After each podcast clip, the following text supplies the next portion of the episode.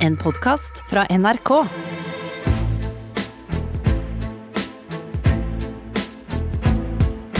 Trump mot verden med Gjermund Eriksen og Sean Henrik Matheson.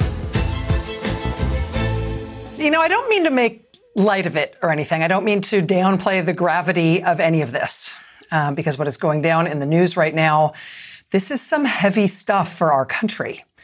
Um, but I got to tell you, I kept thinking over and over again as each new unbelievable news story broke over the past 24 hours that if this was a movie, or if this actually, if this were a TV series about what's going on in American news and politics right now, tonight would probably be the episode of the TV series where the President of the United States resigns. Hvem har sagt 'hvis dette er en TV-serie'? Hvem har sagt at dette ikke er dramatisert? At det ikke er viljer og krefter? Og ikke bli overrasket dersom min stemme blir enda mørkere og begynner å snakke engelsk hvert øyeblikk. For i dag er det noe som er viktigere enn Bob Woodward sin nye bok. Det er viktigere enn at Michael Cohen eh, har kommet ut med en bok, eller Brian Stelter. Eh, ja. Who's the cat that won't cop out when there's danger all about? Sean! Cat chef is a bad mother. What I'm talking about, Sean! Å ja da! Sean! man, but no one understands him but his woman. Sean er tilbake! Sean!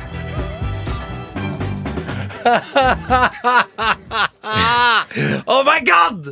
Det var sykt morsomt. Tusen takk, Gjermund, og tusen takk, Silje. Det var stas, må jeg si.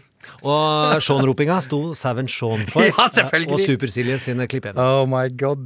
Du, herregud, det er hyggelig å være tilbake. Det må jeg si. Hei, Gjermund. Godt å se deg igjen. Fy søren. Oi, back in business.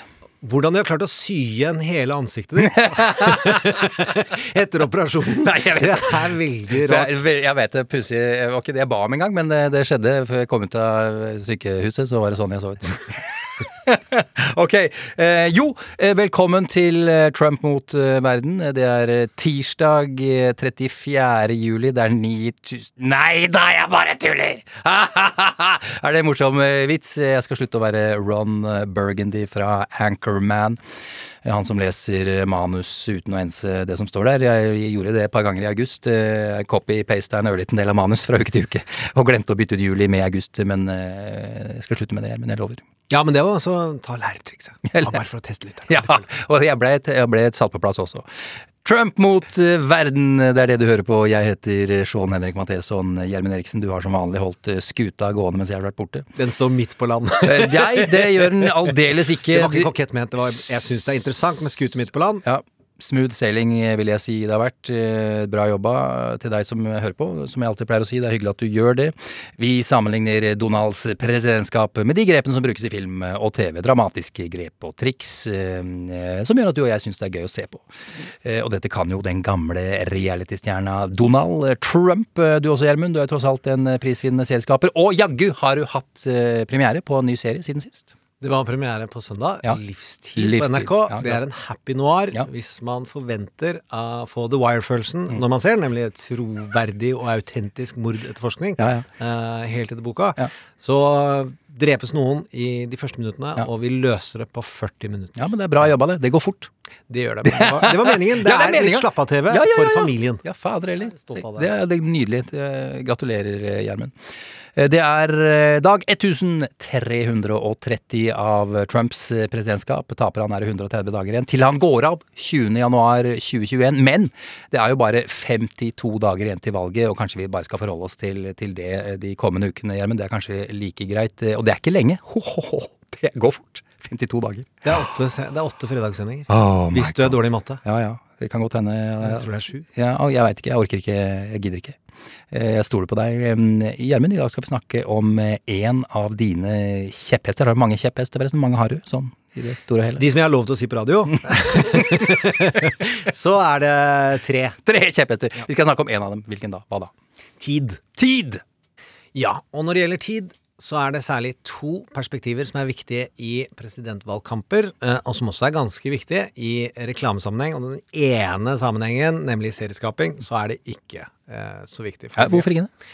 Vi kommer til det. Ja, sorry. sorry. Men hvis vi begynner med eh, hva som er viktigst for å forstå effekt, om noe faktisk endrer folks handlinger og følelser, så er det inntrykk, om det er å se et bilde, om det er å se en tale, om det er å se en reklamefilm, om det er å høre en samtale, eller gå gjennom en park der noen klarer å utsette deg for en type stimuli, hvor lenge det varer, tiden du får det inntrykket, summen av de to, er effekt. Altså, hvis du får et inntrykk, så hvis du faktisk virker på det, så blir det sterkere jo lengre tid du blir utsatt for det inntrykket. Mm, okay. Og hvis du tenker deg en politisk tale, så er det etter boka, eh, og etter da de flinke folka jeg vet om, som har snakka veldig mye om det, behovet for å være original i språkbruken og dra lytteren inn, slik at setning etter setning er noe som drar deg mot noe du skal føle for, og noe du skal forstå, i original språkdrakt. Det er veldig viktig. Det er viktig med språk her også, da, tydeligvis. Det er jo bare ekstremt ja, viktig, ja, ja, fordi hvis det ikke oppleves som kreativt eller originalt, Mm. Så parkerer vi det i et skjema i hodet for ah, vet hva det er. Mm. Vi skrur av. Ta en tilfeldig valgt norsk politiker. Mm. Vi skal eh, være best på helse og eldrepolitikk, Ja, ja, mm. eh, og vi skal kjempe for eh, de og de skattelettene. Det å gjenta det om igjen, om igjen, om igjen, har ikke den effekten fordi du rett og slett ikke har kommet med en kreativ eller original måte å få folk til å ta nye ting. Ja, okay. Om du gjør det i reklamefilm, så er det da eh, kan du enten prøve å investere deg til effekt gjennom å vise Zalo-reklame. Og Zalo sier jo her, ta en liten dråpe, så blir lasagnaen borte. Alle veit at det er ljug. Av en eller annen grunn så får de lov. En dråpe er nok, står. Jeg skjønner Jeg vet hvorfor Ja, ja. de får lov. Hvorfor det, de kan Selv om det er rein løgn. Ja, men det virker ikke okay. på den måten annet enn at de investerer vekk alle konkurrenter. Det er ingen som har penger til å reklamere for Zalo, for de eier hylla di allikevel. Mm. Ja, ok. Eh, og det er en type ikke-kreativ påvirkning. Mm.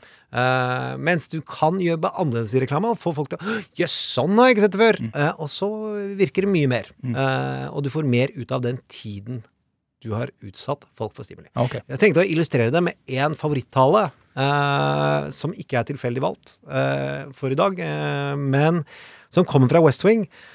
Og hvor uh, setupen er at uh, det har vært et terrorangrep hvor 40 uh, pluss unger og folk som prøver å redde dem, har blitt drept. Og Bartlett prøver, president Bartlett prøver å dra i gang sin eh, gjenvalgskampanje.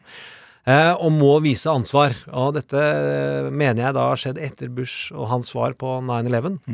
Og her viser han, eh, prøver de å vise hvordan en president kan samle og forsone, og allikevel vise det urimelige. Eh, og den heter American Heroes, og det er en variant av eh, Bob Geldofs gode gamle Tell Me Why I Don't Like Mondays, som ligger under.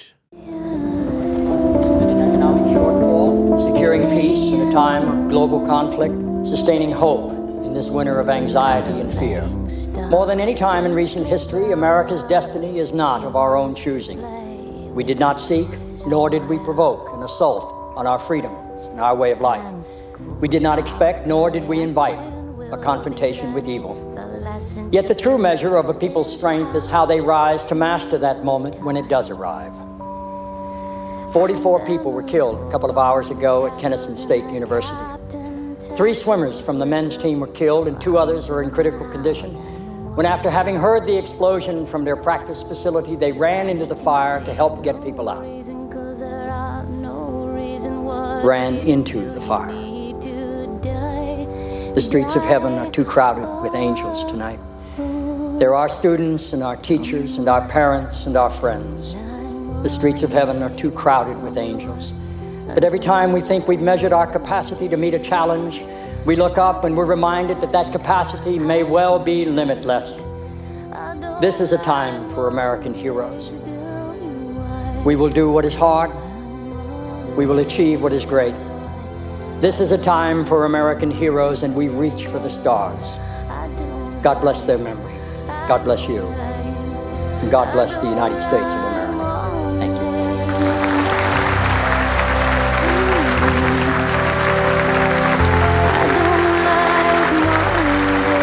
When did you write that last book? In the car? I bilen på veien hit, ja. Det er ganske fett. Gjermund. Det var vel Tori Amos sin eh, versjon av I Don't Like Mondays eh, her. Et, dette klippet har vi spilt eh, ja, jeg tror flere ganger, Gjermund. Ja, men det er enda mer relevant i dag, av flere grunner. Det ene er jo den forgudningen av taleskriveren som Aaron Sorkin skriver Og det er hans episode, men han som har skrevet talen og jobbet mye sammen i episoden, er Eli Atty. Mm. Som er taleskriveren til Al Gore. Og som egentlig hadde sendt denne talen til en politiker. På ekte! På ekte. Som ikke ville ha den. Og så spurte Aaron Sorkin pga. dette plottet har du en tale liggende. Ja. Uh, og så sa han jeg kan bruke den her, American Heroes. Eh, Ja, men hvilken politiker sa nei til det, da? ja, Det fikk vi ikke vite. For da kommer jeg til det ene Ja, poenget. nå kommer du dit! Ja, vi har snakket med Eli Atty, Ja en du- du av det. de største legendene Ja. i TV-serieverden, Ja. og som da har en, en legendarisk bakgrunn fra den politiske verden. Ja. Uh, og så blir det presentert i podkasten, og den podkasten kommer på tirsdag. Ja. Det blir en ekstrapod on Tuesday. Ja, Tuesday Touchdown. Eh, Du har snakka med Eli etter. Veldig, veldig, veldig blant- veldig kult. Blant annet om talskriving og effekt. Eh, men også de politiske hendelsene som skjer nå, og hans syn på Trump, som er ikke bare bra. Tilbake til effekt. Denne talen virker på oss, eller i hvert fall de som liker den, kan leve med denne typen engelske retorikk. Eh, og så er det det andre perspektivet på tid, at det er så lite tid igjen. For å skjønne det, la oss ta og gjøre noe jeg oftest ikke gjør, nemlig sammenligne med sport. Mm. Hvis vi tar presidentvalgkampen og sier at det er en fotballkamp, Ja, ja. så er det ti minutter igjen, maks, Mm. av kampen. Oh. Og hver uke som har gått, så har det gått litt over ett minutt igjen av den siste kampen. Og det vil si hvert eneste minutt som nå skjer, det teller som tusen. Det å ikke bruke 10 av innsatsen, for nå er det bare 10-10 igjen, Mm. er et stort tap.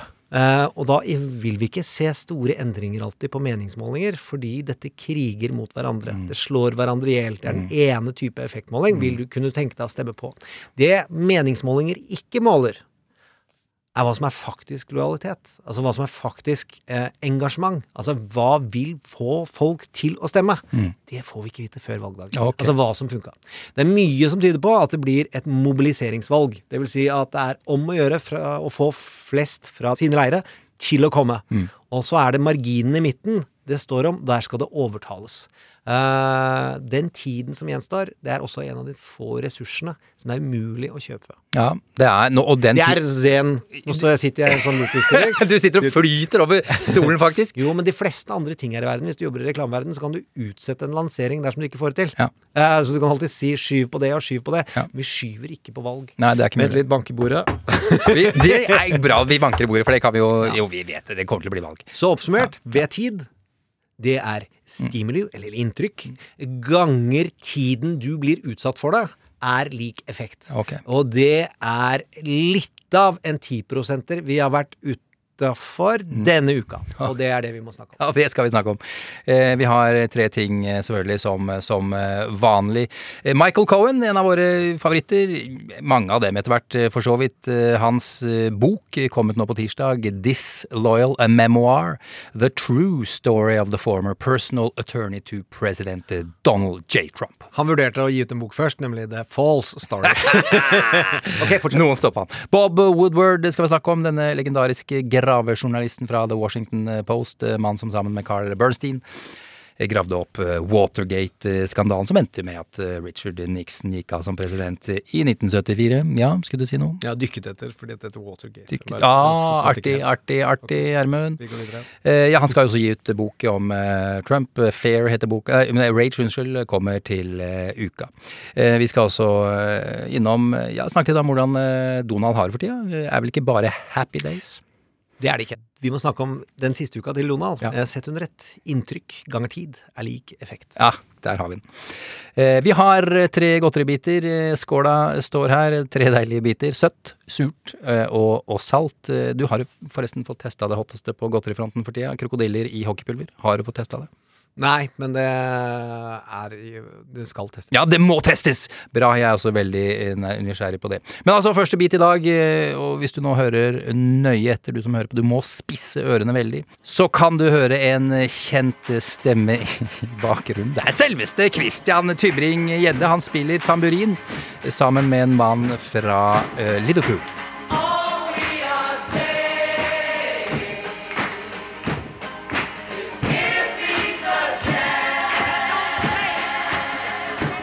Her Det er mange som ikke visste det. Nei, jeg viser ikke det heller. Egentlig, Han ligger her nå naken i senga ved siden av John Lennon Yoko. Sikkert på toalett eller noe sånt. Jeg. Og jeg vet jo fra sikre kilder at uh, dette kommer av Tybring-Gjedde studerte i USA på 80-tallet. Ja, han gjorde jo det!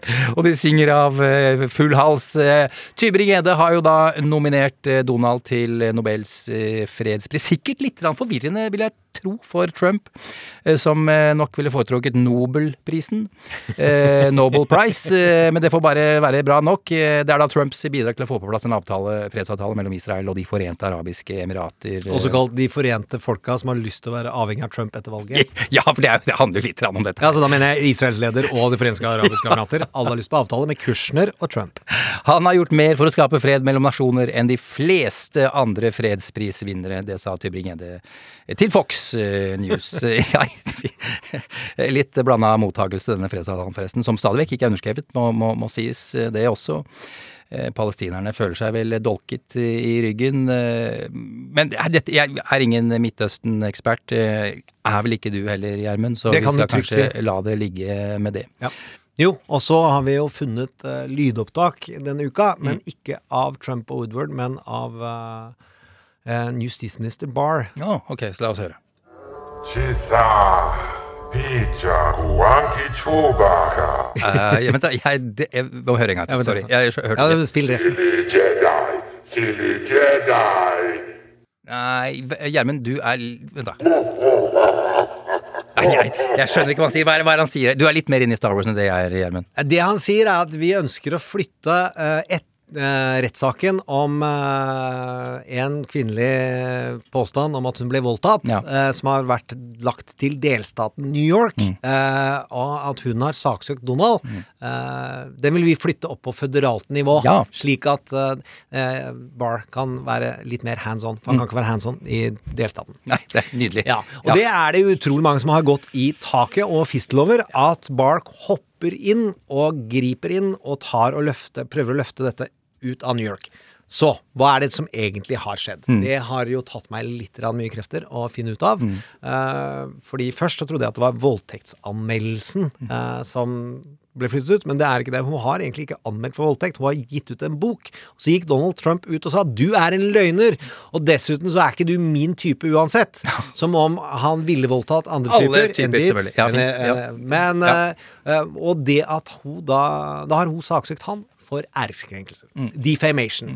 Uh, og det er en veldig vanskelig sak å bevise. Det er en vanskelig sak å få eh, en seier ut av. Mm. Men i New York så ble den tatt alvorlig, og det skulle egentlig være bevisopptak som skulle starte nå. De skulle ta DNA av Donald, fordi hun har da klærne fortsatt. Ja, fra denne påståtte. Ja, påståtte voldtekten fra 95-96 Ja. i et kjøpesenter eh, i undertøysavdelingen, hvor han skyver seg inn og på henne. Mm. Og så spiller vi ikke hvordan hun gjenforteller det, men hun er ikke da helt dratt ut fra gata. Eh, hun er en ganske betydelig skribent, eh, og var ganske ryddig med hvorfor hva skam og alt sånt å stå tilbake. Skulle det være noen tvil om at uh, Trump uh, bruker Justisdepartementet som sine personlige advokater, så er vel ikke det noe tvil om det lenger nå?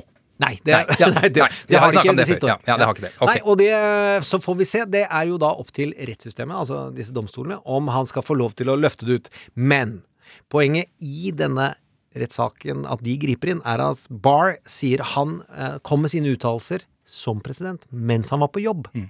Og med andre ord så må vi bruke penger på å representere han. Mm. Det er staten sitt ansvar. Eh, og det som ikke kommer ut i det han sier det, er jo at dersom staten han er representerte staten når han sa det, så vil søksmålet falle. Med andre ord, hun taper dersom det er godkjent. Fordi du kan ikke saksøke staten for æreskrenkelser, viser det seg i de tre poddene jeg har hørt om det siden onsdag. Den ene er Preet Barra, som har uh, Stay Tuned. Han er jo tidligere statsadvokat i SDNY.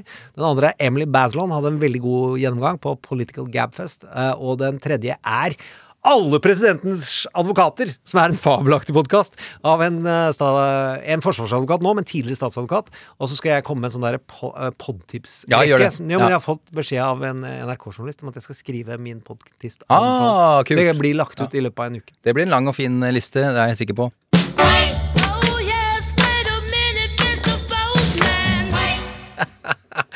Åh, ja, postsjefen i USA sliter ørlite grann.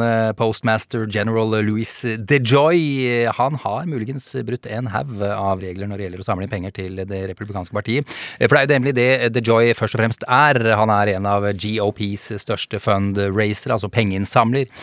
Posten har han vel i grunnen ganske ja, ikke så stor greie på, selv om han for så vidt har tjent seg til millionær på, på et eget logistikkfirma. Men Posten Eh, ja, ikke helt hans greie, men han har vært veldig flink. Han er imot og vil legge det ned. Han vil jo at det skal privatiseres. og så vil han hjelpe Donald med å vinne valget. Ja, nettopp. Og det var derfor han fikk jobben også. Har gjort en solid jobb der også.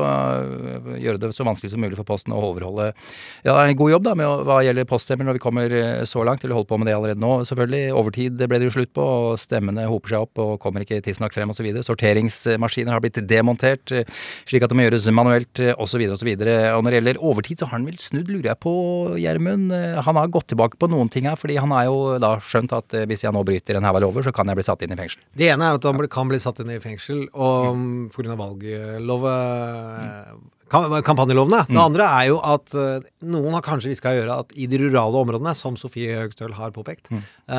Uh, uh, så er folk avhengig av medisiner. Ja. Det er avhengig av veldig mye gjennom posten. Mm. og hvis han bremser det, mm. så blir du ikke populær selv i det republikanske partiet. Og det har blitt bremset. Folk sliter med å få, få, medisiner. Og det er jo det, altså, altså, Saken her nå dreier seg om at han visstnok har tvunget folk som jobber for ham, til å donere store summer til partiet, for så å tilbakebetale disse pengene som en bonus, da. Klin forbudt. Klin forbudt. Begge de to handlingene er, er eh, brudd på valgkamplovene i USA. Eh, og både på føderalt nivå, faktisk, og også deltatt, eh, delstatsnivå. Hans firma er jo registrert i Nord-Carolina, North Carolina, så her sliter han litt. Jeg tipper at han angrer litt på at han tok jobben som postsjef. De, everything Trump touches dies. Yes, that's true. Det, det går ned med de fleste, men, og det er en objektiv uh, uttalelse. Vi skal til England, uh, Mikael.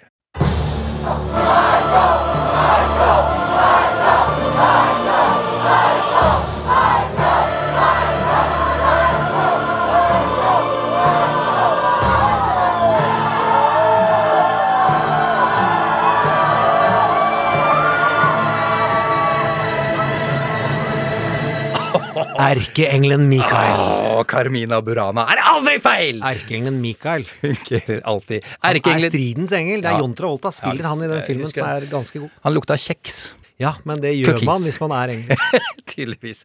Michael Cohen, altså. Mann som i 14 år var Donalds personlige advokat. Det vil si hans, hans fixer, en som ordner opp eh, for sin klient, da, koste hva det koste vil. Bokstavelig talt, og som bruker alle midler for å fikse problemet. En av Donalds aller nærmeste medarbeidere var eh, vice president i The Trump Organization. Eh, en av de øverste stillingene i hele Trump-imperiet. Hadde flere andre fremtredende stillinger hos Trump-familien. Var også deputy finance chairman i På puben. Eventuelt The Republican National Committee, altså visekasserer da, på, på, norsk, noe sånt noe. I hovedstyret da i det republikanske partiet. Han har vært storkar, rett og slett. Ganske enkelt eh, en player. Og selv hevder han altså at han vet hvor absolutt alle skjeletter er begravd, altså skjelettene til eh, Donald Trump. Eh, da etterforskningen rundt eh, Russlands innblanding i valget i 2016 etter hvert kom godt i gang, så ble det klart at Cohen også var innblandet i, i ting som ikke funka.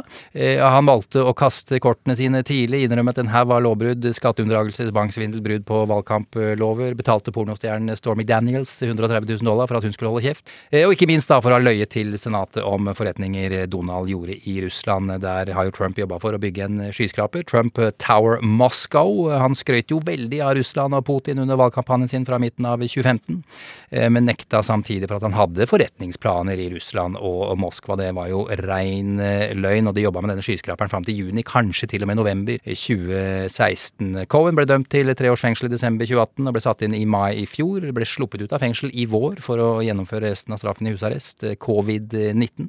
Ja, lynrask eh, presentasjon som eh, vanlig, og da er vi altså ved utgivelsen av hans bok, kommet nå på tirsdag. Disloyal, a memoir, the true story of the former personal attorney to president Donald J. Trump. Kanskje vi først skal høre hvor glad Michael Cohen har vært i Donald. Now I want to tell you about the real Donald Trump. He's really Uh, he's a unifier. The words the media should be using to describe Mr. Trump are generous. He's going to do everything that he promised. He's going to bring success and he's going to make America great. Compassionate, principled. Donald Trump speaks from the heart. Empathetic, kind. He's going to stay true to who he is. He's going to be an amazing president. Humble, honest, and genuine. Mr. Trump's memory is fantastic, and it, I've never come across a situation where Mr. Trump has said something that's, that's not accurate. All Donald Trump wants to do is make this country great again. Du, ja, men, ja, hvor skal vi begynne med denne boka? Eh, for det første er at jeg har ikke lest den. Men jeg hørte flere, det intervjuet på, med Maddow som han holdt på tirsdag. Det er viktig å forstå amerikansk venstreside og sentrumspolitikk. At har du en stor bok, så er det hos Rachel Maddow du går og snakker om den først. Okay. Hvis du ikke er i 60 Minutes-ligaen, og det er ikke Michael Cohen. Okay. Ja. De gidder ikke ha han på besøk. Jo, er du gal, men uh, ikke opp, målt opp mot Bob Woodward. Nei. Tilbake til hva som er uh, Det som kommer fram der, uh, og som har kommet fram, er jo mange ting, men la oss begynne i der som jeg syns kanskje er mest interessant at han er så eksplisitt på, og det er jo uh, forholdet Donald Trump har hatt til redaktøren av National Enquirer, som er en stor sladdeblad, det er Se og Hør i USA, uh, og hvordan han brukte det mot sine republikanske konkurrenter i primærvalgkampen. Uh, bare hør her på det klippet.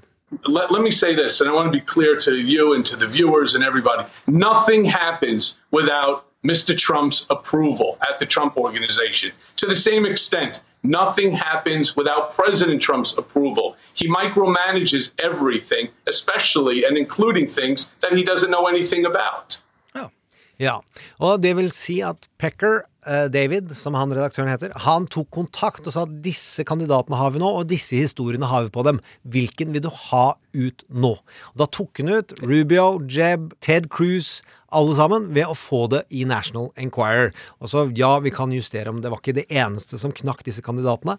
Ja, Pecker er, er redaktør for The National Enquirer. Var, ja, var, gått av. Men hva er det for et magasin, bare så vi tar det? Er det, som, det er ja. amerikanske Se og Hør. Ja, nettopp. Eh, bortsett fra at USA er mye større, og de har ikke så stor lesekrets. Men da kommer vi tilbake til en annen viktig side ved effekt. Det er at når det kommer ut der, så slipper du løs hele sladderpressebataljonen, som bare kan vise til at det står i National Enquirer. Mm. Så da sprer det seg som et uvær, og dette vet Donald.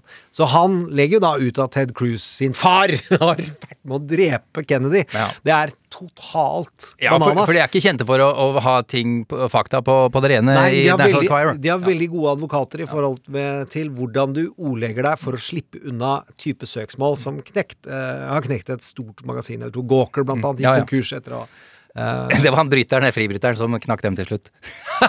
ja, men med hjelp av en av ja, ja. Donald Trumps storinvestorer. Ja, for fordi de hadde lyst til å begynne å teste lov, lovene og få brutt ned media. Hulk Hogan.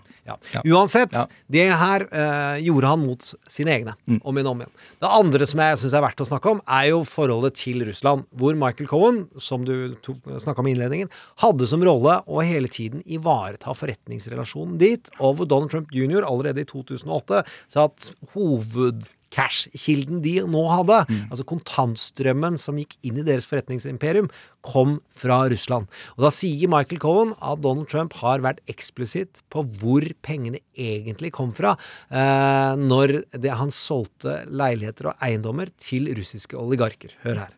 You're right that the president effectively sort of flipped Palm Beach. Um, you describe it as an architectural nightmare, which I found effective. Uh, but he made a, pros- a, a, profit on that in excess of $50 million.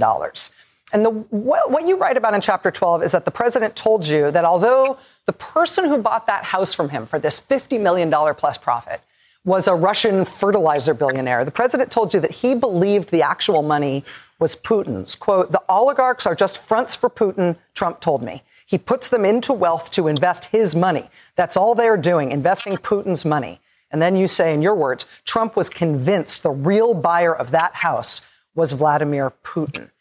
Was he speaking seriously and literally there? Did he actually think that Putin had arranged this $50 million windfall for him? Well, I, I don't I don't know what he was thinking. I can only tell you, which I did in the book. Um, I could recount the conversation. He believes that all of the Russian oligarchs are basically pawns of Vladimir Putin. He controls all of them. controls all of them. Ja. Eh, og hans overbyggende fortelling gjennom denne boka og i intervjuene er at Donald Trump hele tiden har hatt et ønske om å få en cashbonus, nemlig få svære eiendommer i Russland, når valget er over. Altså, egentlig så hadde han jo ikke tenkt å vinne. Eh, han mente at det bare skulle være den største informasjonskampanjen verden har sett om han som forretningsmann. Å bruke presidentvalgkampen til det. Og da særlig utvikle seg i Russland og i Øst-Europa og i Asia. Og bli kompis med, med Putin og sånn at Ja, han skulle fordi- lettere komme til i markedet. Fordi hans rykte som forretningsmann gjorde at han ikke fikk penger i, i Vest-Europa og i det amerikanske markedet, bortsett fra Tyske Bank, som det finnes en helt egen podkast om. Det var det som er lang og mørk historie. Er Deutsche Bank, hvis det er noen som jobber der av våre lyttere. Ja. De, de, Så er det- ja, de sliter litt nå, men de har i hvert fall lagt fram alt de har av informasjon, Ja, ja, visstnok, om Donald Trump. Ja, ja, ja. Det, det der er eh, også eh, type Zalo-reklame. Med andre ord, dette her bekrefter bare forventninger som vi har i begge leire. I eh, Donald Trumps leir så er det sånn Ja, ja, ja, vi har hørt om Russland, og vi har hørt om at han tok ut Cruise, og det er klart han kontrollerer mediene. Han kontrollerer jo alt. Michael Cohen ikke, scorer ikke veldig høyt på troverdighet. Hvor, Hvor, hvor, Ja, vi prøver å gjøre litt med at vi kaller det Zalo-reklame. ja, ja, for all del, men, men, men, men hvor, hvor, hvor seriøst skal vi tro på dette her, eller skal vi ta det med en klype salt? Hva tenker du?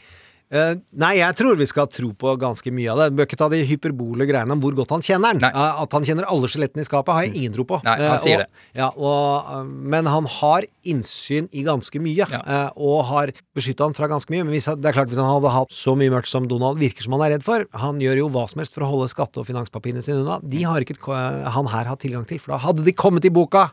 Ja. Ja. Ok. Eh, Michael Cohen der, altså. Eh, hans rykte er jo frynsete, som vi akkurat eh, snakka om. Så kan vi da gå heller i den andre enden av presidentbokforfatterskalaen. Bob Woodward. Vi skal til forfatterne av Alle presidentenes menn.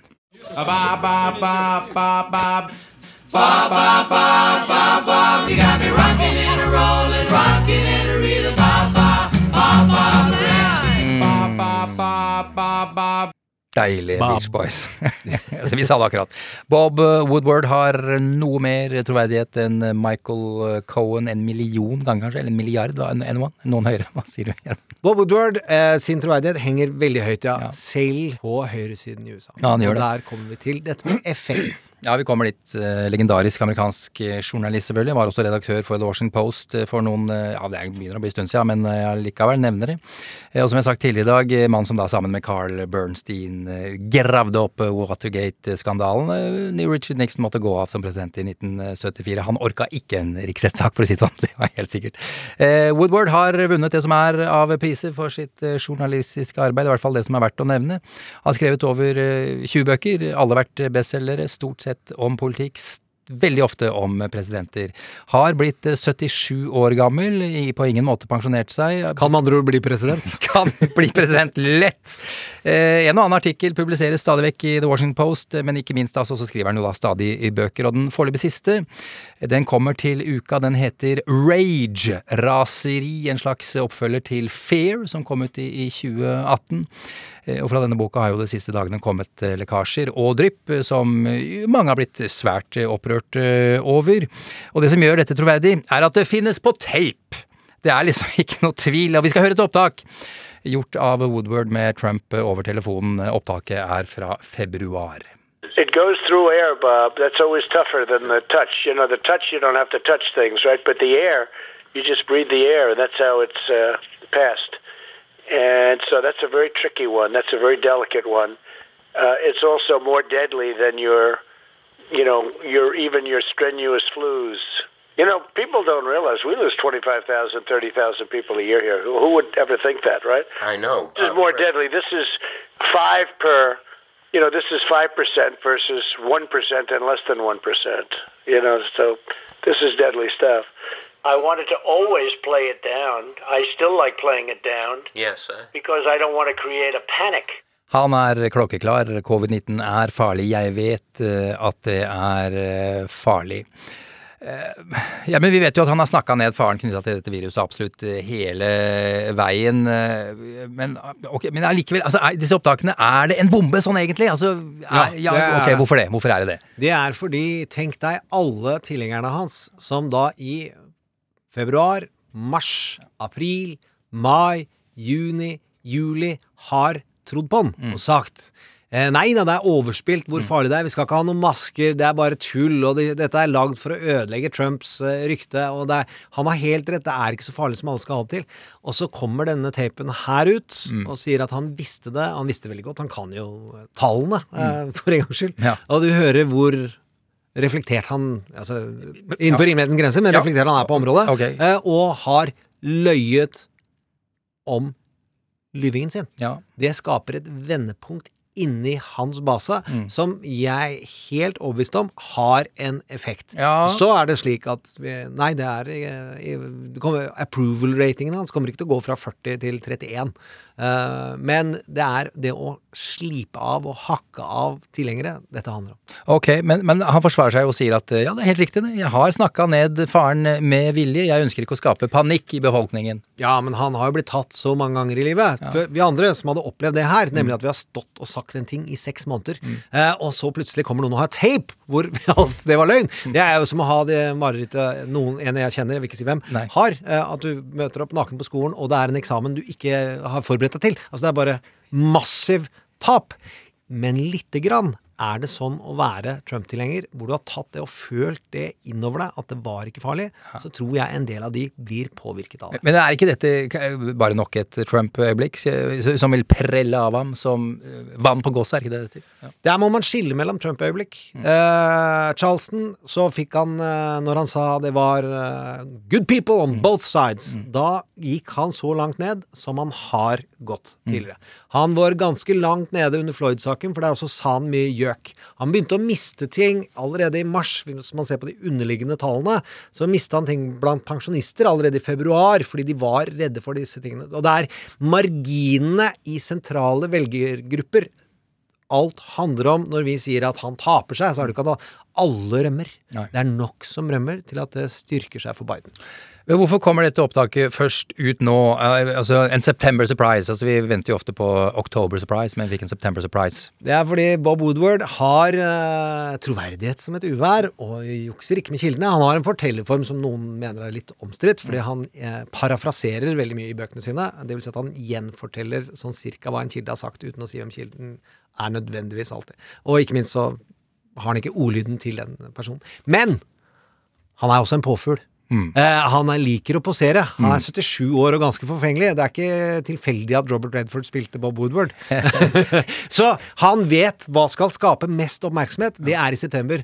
Og hvis det har gått en kule agenda noe som helst sted inn i Bob Woodward, så er det at denne presidenten er han flau over at er leder for USA. Trump sa i går på en eh, pressekonferanse at ja, men fader heller, hvorfor sa ikke Bob dette her tidligere? Det er, han, det er også hans sin feil at nesten 200 000 amerikanere er døde. Han, hvis han hadde sagt det tidligere, så hadde vi gjort noe med det. Der er, det vi, Nærmest. der- der er det vi som er gåsa. Det er ganske mye ved Donald Trumps unnskyldninger som ikke, som ikke vi, eh, virker lenger. Men eh, Bob skrev Fear. Boka het Fear. Det handla om frykten inne i Det hvite hus rundt Donald Trump. Også, mener jeg, dette er tolkning om at dette er en fear som også er inne i Bob Woodward, hvor ille det kan være. Han har brukt hele livet sitt på å kartlegge alle presidenter, eh, intervjua dem, og det har blitt en idrett for alle i administrasjonen at du må snakke med Bob Woodward, for det handler om å dokumentere historien. Han er historieskriveren. Og så kommer denne boka her, som heter Rage. Igjen det beskriver noe som er inne i presidenten og inne i Det hvite hus. Raseriet over at de føler seg tråkka på og kan, kan gjøre hva som helst for å komme seg unna. Det er også et, jeg mener, et lite raseri inn i Bob Woodward. Dette okay. skulle vi ikke ha. Men hvorfor stiller, stiller Donald eh, opp på intervjuer med opptaket? Skulle tro at han ikke At det var noe særlig lurt å gjøre? Ja, Det er en veldig morsom del av historien. Det er jo fordi at i Fear så står det en setning om at Donald Trump har eh, nektet å stille opp til intervjuer. Og det er kanskje sant, men Donald Trump har i hvert fall sagt det har jeg aldri gjort, det har jeg aldri sagt. Det er jo, Jeg er ikke sånn feig. Jeg kan gjøre det her. Jeg kan sjarmere han. Mhm. Hvis jeg får prate med ham, hvis han får møte meg, og jeg får snakke, så får jeg solgt han den bruktbilen uten hjul og med manglende motor. Det er en metafor. Ja, jeg skjønte det. Ja, jeg vet at du skjønner det. Jeg bare snakker De som er litt mer sinna på at jeg De som hører på, skjønner jeg mer enn meg. språkbilder. Ja, ja. Språkbilder er fint. Ja. Eh, og eh, han har så tro på egne evner at han skulle overtale Bob Woodward til å se verden slik han så den. Uh, og der er det ingen som har fått til det, ikke Obama heller. Han fikk noe skikkelig juling i de Bob Woodward-bøkene, han òg. Altså. Nesten bare eh, hun som skriver i New York Times, uh, Maureen Dowd, som har gitt Obama mer sånn verbal, argumentativ juling om handlingene hans, som eh, Obama-tilhengere godt kan være, mene at var utafor. Men du sjarmerer ikke Bob Woodward. Nei, du klarer ikke det. Og så er vel problemet til, eh, til Trump at han er vel helt sykelig opptatt av sitt ettermæle og hva folk tenker om han og syns om han, og det er derfor han visstnok leser eh, mye aviser og, og, og ser på TV. Ikke for å liksom følge med politikk, men for å se hva folk sier om ham. Det er klart. Ettermælet er Apropos eh, Rush Mountain Rushmore og sånne type ting som man Ja, gjerne ville det kan man ha godt si. hamra huet sitt inn i. ja. Nei, Bo, uh, han burde ikke ha gjort det, og sta- staben hans var sjokkert over at han gjorde det. Det sier jo noe om at hele den staben har jo da stikket huet eh, i bakken, uh, mens de burde vel lukta at dette her kom. Vi kan jo høre hva, hvordan Kayleigh McEnany, altså pressesekretæren, forsøkte å forsvare dette her Altså, hvis dere har omsorg for noen fordi de er nødt til å gå ut og forsvare, så ikke ha så mye for henne. Nei, takk for at du sa det.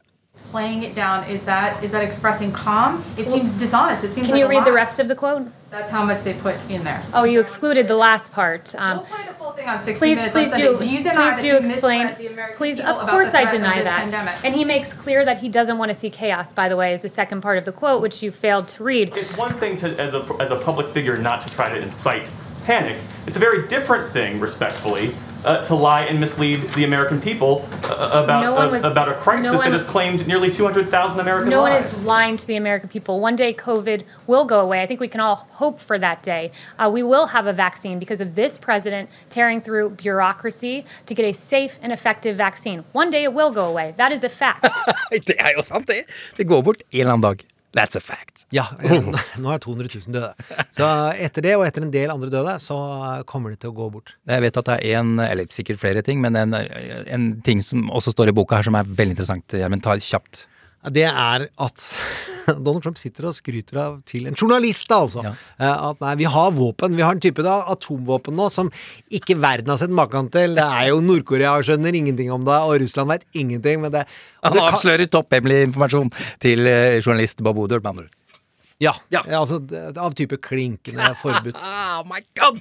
Ja. Nice. Men eh, neste uke så vil vi helt sikkert snakke enda mer. Bob eh, kan tid og effekt, han også. Drypp, drypp, drypp. Han skal stjele ukevis med oppmerksomhet og være hovedhistorien så lenge som mulig. Ikke bare for å selge bok, men også for å være viktig og motstander mot presidenten. Og Bob eh, har lyst til å gi bare blåmandag til Trump framover. Tell me why I don't like Mondays. Tell me why I don't like Mondays. Tell me why I don't like Mondays. I wanna shoot. Ooh, the whole day down. Trump mot verden med Gjermund Eriksen og Sean Henrik Matheson. Eh, Bob Geldof eh, sin eh, klassiker. Som samarbeider med Bob Woodward og Eli Ayati i et firedimensjonalt univers der fiksjon og tid henger sammen. Eh, Boomtown Rats, eh, bare for å si det også.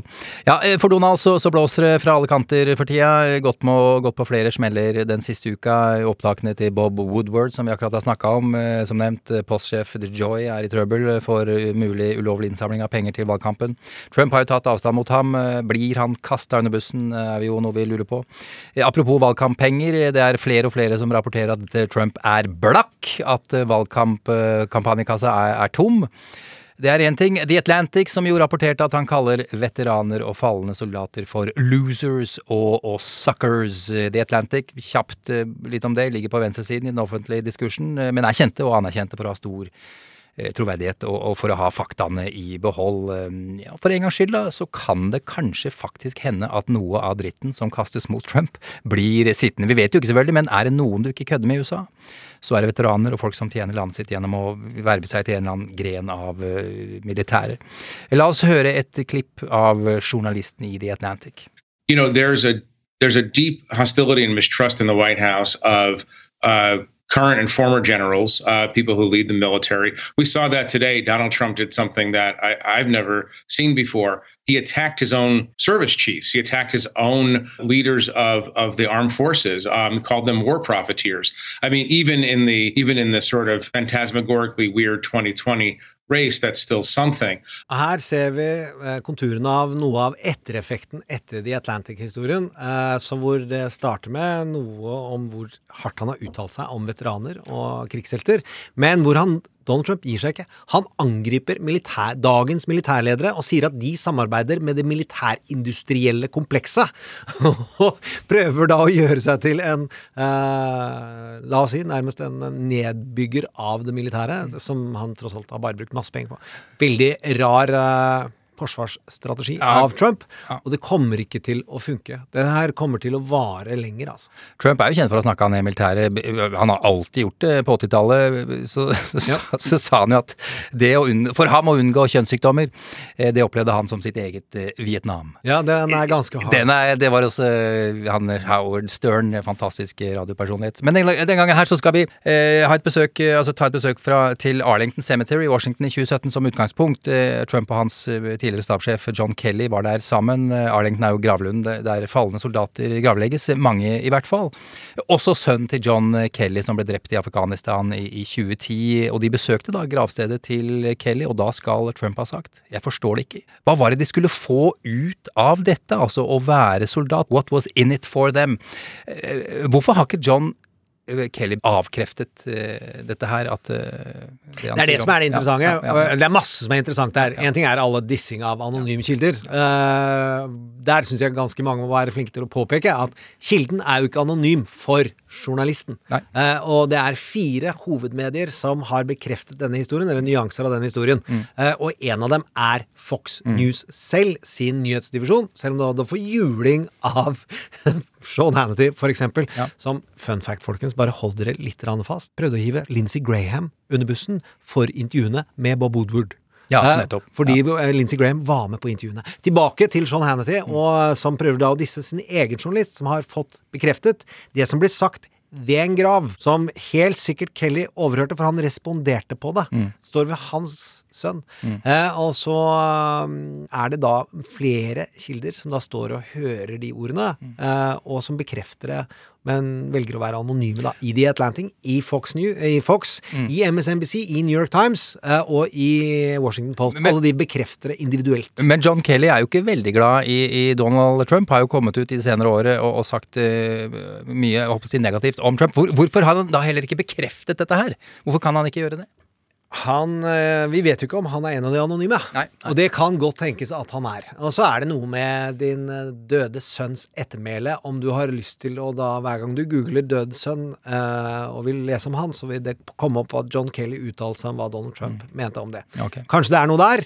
Eh, eller så kan det være at eh, han har mer å fortelle før Donald Trump eh, skal velges, for å komme med flere av denne typen surprises i september og oktober, eh, og dermed ikke har lyst til å bare gjøre seg til hovedskyteskive før han kommer med baboom. Ok, jeg skjønner. Og hvem de andre kildene er, det, det vet vi ikke. Det er ikke vits i å sitte her og spekulere noe særlig på det. Men, men, men John Bolton har i hvert fall sagt eh, på Fox at han hadde ikke hørt noe om dette her. Eh, Hva betyr det? Det betyr like mye som alt vi vet om hvor John Bolton har vært til enhver tid rundt Donald Trump, altså nada. Ja. Eh, Ja, ok, greit. Fordi vi, skal alt måles ut fra at John Bolton satt én meter fra Donald Trump til enhver tid, så har i hvert fall Donald Trump sagt at det var helt uaktuelt, for han har aggressivt forhold til den fra dag én, eh, og likeverdig. Men John Bolton har behov for å aktualisere seg, Mm. eh, og det kan godt tenkes at han snakker sant, men det er jo ikke sikkert at han har stått i rommet hele tiden. Eh, Donald Trumps tidligere sikkerhetsrådgiver John Bolton, som Og smørsanger. Nei, vi går videre. Vi- den slutta den for det er en stund siden nå kom med bok for en, eh, noen måneder siden. Han har vi snakka mye om. Uh, du, hva så med pengene? Uh, Visstnok så er Trump blakk.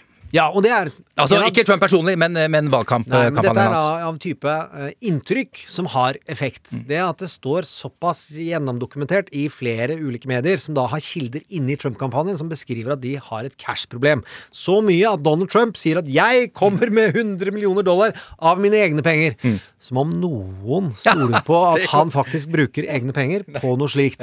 Det gjør at investorer begynner å trekke seg av. Det er grunnen til at han begynner å gå tom for penger. Det er jo at folk tenker kanskje han ikke taper. Men han- Hvis han ikke vinner. men- Tenk hvis ja, du putter penger på den spillemaskinen der du ikke casher ut. Ja, men hadde han brukt 500 millioner i juli, og hva skjedde? Hva, hva brukte han de på? Nei, på Zalo-reklame, da. Han brukte det, sa det samme om og om igjen til de samme velgergruppene, slik at det ikke virket. Det er ett viktig unntak som vi har hørt siste uka, og det er blant cubanere i eh, Florida, så har Donald Trump styrka seg. Og der var ikke Biden inne. altså det vil si Trump brukte penger i seks uker uten at Biden-kampanjen var inne og prøvde å påvirke den velgergruppa og synliggjøre hva de er til for.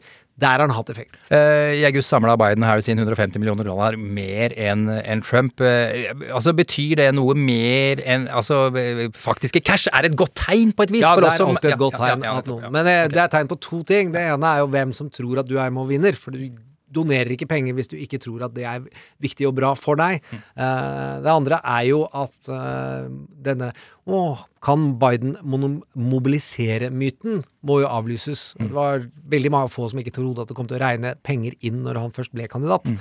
Eh, men der har vi sett det, da. Ja, vi har sett det. Hva så med The Lincoln eh, Project, som, er, som roter rundt inni hodet til, eh, til Trump på daglig basis? Nei, og det har jo vært en debatt, ikke en veldig stor debatt, men det har i hvert fall omdiskutert i Norge om Lincoln Project er viktig. Men det er også i USA. Tilfører det noe, eller er de bare en underholdningselement i mediebobla? Og til det så tror jeg det er viktig å skjønne i hvert fall først hvem folka er. Det er de dyktigste medarbeiderne i å drive med politisk kommunikasjon, som det republikanske partiet har hatt å oppdrive, minus Carl Rove siden år 2000. Så det er ikke, og det er betydelige folk som har vunnet veldig mye kampanjer. De lager ikke reklame som de ikke tror virker. Eh, fordi det handler jo om deres integritet, og hvis Donald Trump vinner, så har de, har de sikkert masse å gjøre på den demokratiske siden, men de setter ganske mye av sin integritet inn i dette. Mm. Det de har rett i, er at de lager mye lyd. Fordi Lincoln Project er eh, Se på ordet kampanje, kommer fra krig. Eh, og det de gjør, er å dra så mye oppmerksomhet mot seg. En ting er Donalds oppmerksomhet, men også alle andre medieaktører. Hva er det vi gjør? For de tror på det de får til, om å fortette nyhetshistorier og lage 60-sekundere som virkelig gjør deg emosjonelt involvert tilpassa et tvilende republikansk hode med litt høyere utdanning i forstedene til de store byene, der slaget står, det er det de driver med. Og det å sitte i Norge og tro at de ikke kan jobben sin, det syns jeg er litt rar påstand. Så snakker de om det hele tiden, sier de strategien sin åpen. Så sier folk bør ikke tro på dem, de bare jabber. Nei, fordi de sier strategien sin åpen for å fortelle de andre så de skal bruke pengene sine slik de bruker det. Akkurat. Det er nemlig en markedskraft som ikke finnes i markedsføringsbransjen når du snakker om sjokolade. Så vil du ikke at de andre tar din sjokoladehistorie, men i valgkamp så vil du at alle gjør det du gjør, hvis du tror at det du gjør er lurt. Ja, ja, smart. Ja. Så det kommer vi til å fortsette å følge, og forhåpentligvis få i tale. Ja! Har vi ikke hatt noen tale en gang allerede? Jo, vi har Stuart Stevens, Ja, men ja, ja. nå er jeg på jakt etter en annen. Oh, Ja. Gleder meg til å høre. Woman. Woman. Uh, ok, vi skal til ukas karakter.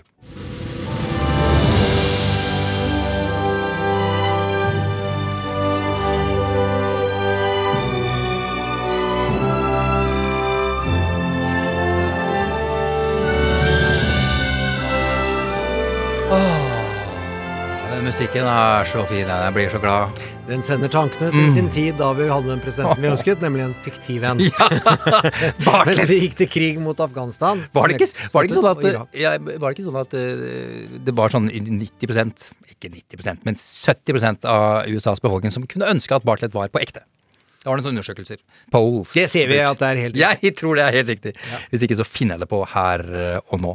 Ja, Vi er også framme med ukas eh, karakter, og dette er superstas. Det er jo Eli Atty. Vi har nevnt det allerede, men bare Ja, Liten nei, oppsummering. Hvem er det? Nei, tidligere political operative på det høyeste nivået man kan komme, eh, minus at han ikke var chief of staff til enten en visepresident eller president, eh, som jeg syns, eh, nemlig talskriver. Det å være den som verbaliserer hva politikeren står for. Han har vi fått intervjue, og så har han jobba drøssevis av år i West Wing. Seks ganger Emmy-nominert. Han har jobba i House i mange år og vært hovedprodusent sammen med David Shore. Og lager da slutten på sesong ti der. Han jobber nå i Billions! Han jobber i Billions, ja! Ja, i Billions. Akkurat nå han sitter ved, uh, uke etter uke i møter om manus, uh, og har skrevet en eh, episode i fjor som heter The Nordic Model. Så han er over snittet interessert i Norden også. Ah, kult. Veldig velformulert og veldig flink eh, formidler, eh, så klart, for det har han jobba med. Og ikke alltid stolt av seg selv i verken politikken eller som dramatiker. Det tyder på at han da er forfatter. Ja, vil jeg si. Ja, og jeg er utrolig glad for å ha fått snakka med han. Ja, og så er ble det tatt opp på bånd. Det er totalt underordna for meg. Og så hadde jeg med Det kom jo ikke fram, men jeg hadde jo da med en av forfatterne mine, som da forguder han. Ja. Hei, Ok. Embla, hvis du hører på. Hun hører aldri på. Jeg er også utrolig glad for at du har snakka med han, bare så du vet det. Ja. Da er vi alle det. Ja. Men hør på det. Det, det er kjempeinteressante ting om Trump, og hvordan Al Gore eh, sine kampanjer henger sammen. Tirsdags eh, touchdown, da kommer din eh, samtale med Eli Atty. Eh, kjære deg, du som hører på. Eh, sjekk oss ut på Facebook. Eh, der har vi en gruppe som dundrer og går for en jobb du gjør, sammen med alle de som, som bidrar der. Fantastisk, Gjermund. Ja, og konkurransen vil vi kåre vinneren til nærmere eh, debattsendingen, hvor jeg og Sofie skal være med i NRKs TV-sendte debatt eh, på natta. Eh, og der har vi én konkurranse som sa hva er de beste tipsene for å være våken. Nå har vi én konkurranse til rundt det, som vi legger ut på Facebook, og du kan sende til e-post. Det er hva er de største debattøyeblikkene? Hva er ditt favorittdebattøyeblikk i presidentkampanjer? Ever. Legg ut enten en artikkel om det eller et YouTube-klipp, og du hjelper oss med research. Det er én ting, men skal jo kunne en god del av dem. Men vi får se. Og så kårer vi kaffevinner der. Trump at nrk.no, det er eh, mailadressen vår. Og så er det jo hyggelig, da, hvis du som hører på forteller dine venner eh, og kjente at du hører på Trump mot verden. og At det, Det er åtte uker igjen! Nå er det siste åtte ukene vi maser om anbefalinger. Finn folk! Send der! Gå inn på Ja. det stedet som gir stjerner, og skriv anmeldelser, så vi blir så store som mulig til den 3. november. Ja. Og så skal vi fly nærme solen, og vingene skal brennes av. Oh. Eh, og Donald Trump har kanskje tapt valget, og da er jo vår pod over. Eh, nei Vi bare dramatiserer jeg, jeg, jeg, har ikke lyst til, å- jeg har ikke lyst til å være Ikaros, eh, merker jeg. Har høydeskrekk, men ok, greit. Neste uke, det, er- det er litt stas, Gjermund, fordi da eh, skal vi spille inn vår podkast på Blindern. For live publikum! Ja, live studio audience. Det har vi aldri gjort før. Nei, vi har aldri gjort før. Jeg Gleder meg til det. Og så syns jeg det er litt eh, jeg Det er litt som å sitte ved det kulebordet på Blindern. Ja, det Det gjorde jeg aldri, nemlig da jeg var der selv. Ikke jeg heller. En liten kort periode. Ok. Kjære deg, takk for at du har eh, hørt på. Det setter vi pris på. Eh, Og neste uke altså, så, så er det en ny podkast på fredag eh, som vi skal spille inn på Blindern. Med noe Bob Woodward-aktig. Det vil jeg anta. Eh, Du ga meg i oppdrag eh, å skrive mm, ukas og... åpningsscene eh, til vår svindyre serie Trump mot verden, som NRK skal produsere. Ja. Eh, Vi har jo en liste på, på Spotify der vi har bedt deg som hører på, å sende inn eh, åpningslåtforslag. Masse på Trump mot verden. Eh, Trump mot verden, helt riktig. Eh, Ja, jeg, skal jeg bare dra den, tenker du? Ja, det tror jeg. Ja, er det noen lyst til å si noe om det før jeg gjør det? Ja, det er jo at uh, det er mange måter å starte en TV-serie, Uh, og noen kan starte med slutten. Ja, helt riktig. ok. Vi er på det ovale kontor. Trump sitter bak presidentpulten, en rød magehatt på hodet, oppblåst i ansiktet, svett. Han ser sur ut, eller kanskje mer krenka, matt. Det er mørkt utenfor vinduene. Vi ser at det blinker i blå og røde lys, sirener som går, politibiler, brannbiler, sykebiler kjører forbi. Vi hører store folkemengder og spredt skyting i det fjerne. I rommet står det flere personer. Donald jr. er der. Han ser forvirret ut. Han har på seg en lang, mørk frakk. Han holder kjæresten med den ene hånden. Hun ber stille. I den andre holder han en pistol. Justisminister Bill Barr han sitter i den ene sofaen midt i rommet med hjelm på hodet. Han gråter. Mitch McConnell står der, likblek i ansiktet. Han skjelver ukontrollert. Rundt dem står det som ser ut som soldater. Secret Service, kanskje sju-åtte stykker. Lindsey Graham, han bærer på en hagle. Mr. President, sier Graham. Jeg skulle egentlig vært hos min søster nå, kan jeg Hold kjeft, Lindsey! roper Donald jr. Hold kjeft! Nesten hysterisk. Ok, hører vi Trump si. How does this thing work? Vi ser at Trump sitter der med et automatgevær. Det er som et fremmedelement mellom hendene hans. Det Er bare å trykke på avtrykkeren, Mr. President. Nå hører vi at det banker tungt på døren, vi har hørt det med jevne mellomrom, men først nå skjønner vi hva lyden har vært. Mr. President, 30 sekunder før vi kommer inn! Donald reiser seg opp, holder automatgeværet opp, går mot døren, sikter rett fram, står sånn i to sekunder før han snur seg mot Donald jr., går bort, tar tak i ham og drar ham med seg mens han gir ham våpenet og får ham til å peke mot døren. Junior ser livredd ut, som han ikke skjønner hva som skjer, han ser på mens faren hans så fort han kan kommer seg tilbake til presidentpulten. Pappa. Han ser ut som et forlatt barn. Trump bøyer seg ned, kaster seg ned, gjemmer seg bak pulten og under pulten. Han sitter på kne og holder seg for ørene. Vi ser bare Trump under pulten. Det er så vidt han får plass. Og i det samme hører vi You are no longer president, Mr. Trump. We have to remove you. We are coming in. Så går alt i slow-mo. Kameraet går sakte tilbake og sakte oppover. Nå ser vi både Trump under pulten og det som foregår i rommet. Døren eksploderer, flashbomber kastes inn. Rommet fylles av røyk, og vi skimter spesialsoldater som systematisk inntar rommet. Vi ser at junior skriker av frykt og holder armene i været i sakte film.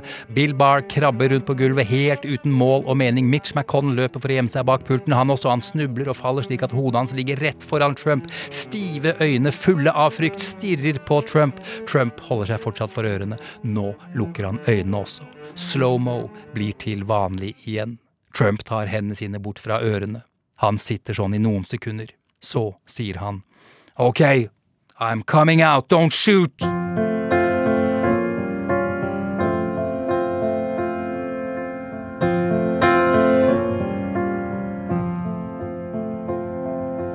All my little plans and schemes lost like some forgotten dream. Seems like all I really was doing was waiting for you.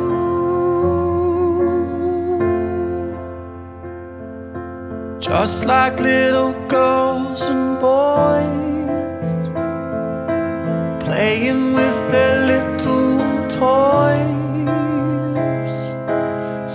Like all we really were doing was waiting for